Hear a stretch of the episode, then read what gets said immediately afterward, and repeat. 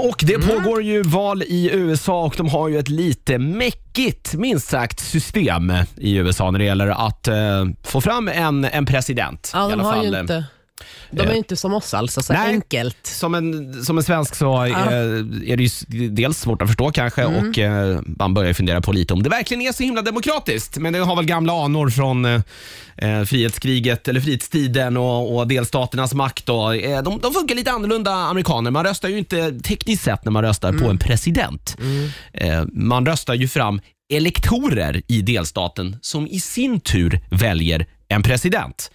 Okej, med elektorer, är det människor då eller är det bara platser det- det- i det- senaten? Det, eller vad det, det är heter? människor och det här elektorskollegiet som det kallas Ja. eh, innefattar då lika många personer som då sitter i den amerikanska senaten och representanthuset ihop. Mm. Eh, och hur många då som finns i delstaten det baseras då på folkmängden i, i, i, i delstaten. Dess, hur många Ja, personer hur många som får bor. sitta? Det, och det baseras då på folkräkningar Mm. i USA som görs var tionde år. Så Den senaste folkräkningen är då från 2010. Det är därför Mm. då Florida har 55 röster till exempel. Det här kan komma att ändras då till nästa val, för nu i år då så gör man en ny folkräkning och Mm. pluttar om de här då antal elektorsröster. Därför är det viktigt, Okej. viktigt att vinna, viktigare att vinna vissa delstater än andra. För då får du mer poäng, eller Då mer får man folk. mer elektorsröster då. Sen är det ju Ah. samtidigt så att de här elektorerna har ju, har ju en obligation då att, att följa då eh, folkets vilja, men de kan tekniskt sett Mm. Välja v- själva. välja någon helt annan.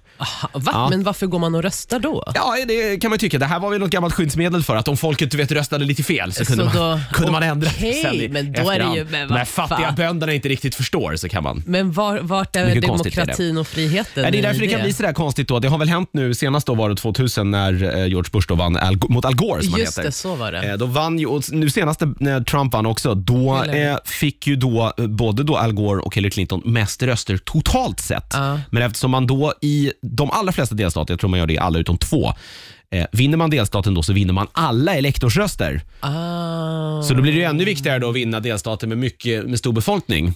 Eh, För då kan man ändå då få För att- mer elektorsröster men man har ändå fått minst röster totalt sett. Vilket blir lite märkligt kan man Okej, tycka. jag fattar. För att nu när man kollar på den här amerikan eller USAs karta där, då är det ju väldigt, väldigt rött på alla eh, alltså så här delstaterna. Och Mm. Då betyder det att de delstaterna, även om Trump har mindre, det betyder att de har mindre Det- personer i den där... Det blir mindre elektorsröster helt enkelt i dem. Det är därför då Kalifornien som är demokratiskt till exempel har 55, det är väl Mm. den största. Sen är väl Texas och Florida är, är stora delstater också. Så Texas det är brukar ju det oftast republikanerna vinna och därför är det den här Florida då alltid en sån här vågmästarstart för det är väldigt mycket. Ja, det vann ju Trump nu. Det vann ju Trump nu år ja.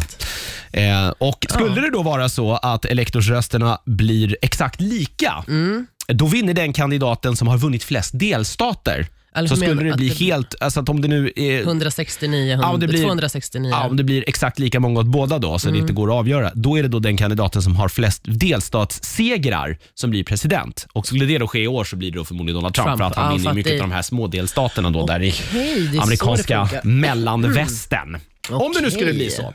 Så att det är ett lite, lite bökigt system sådär som... Eh, Men varför tar det så lång tid nu då? Till att, för att, det är bara för att det är så många det är, personer post, som har röst. Det är det, ja, det är som poströsterna grejen. som, som ställer till det Okej. tror jag. Eh, det är väl det som har rapporterats om i media i alla fall. Ja. Att det är de som gör att det kommer att ta lite tid. men- Eller att det är då väldigt, väldigt, väldigt, väldigt jämnt. Så man måste kanske kontrollräkna flera gånger för att vara på den säkra sidan. Det var väl det som var grejen år 2000 då när, när, George, Al Bush, Gore- när okej. George Bush vann. Ja, Då men- var det framförallt Florida där man räknade en miljard gånger för att man inte riktigt visste hur det Man var skulle, osäker. och vilket håll det skulle gå så att säga. Ja, men okej, men det här var intressant. Jonas, du förklarade det jävligt bra. Ja, jag hoppas någon blev klokare. Jag är som sagt ingen expert, men det är så enligt min eh, bästa förmåga som jag har förstått att det här eh, fungerar. Då. Eh, och det är ju som sagt lite rörigt då för oss, eh, för oss svenskar som ju har ett, ett, ett betydligt enklare system tror jag att förstå. Ja, Eh, och att vi röstar i olika instanser också.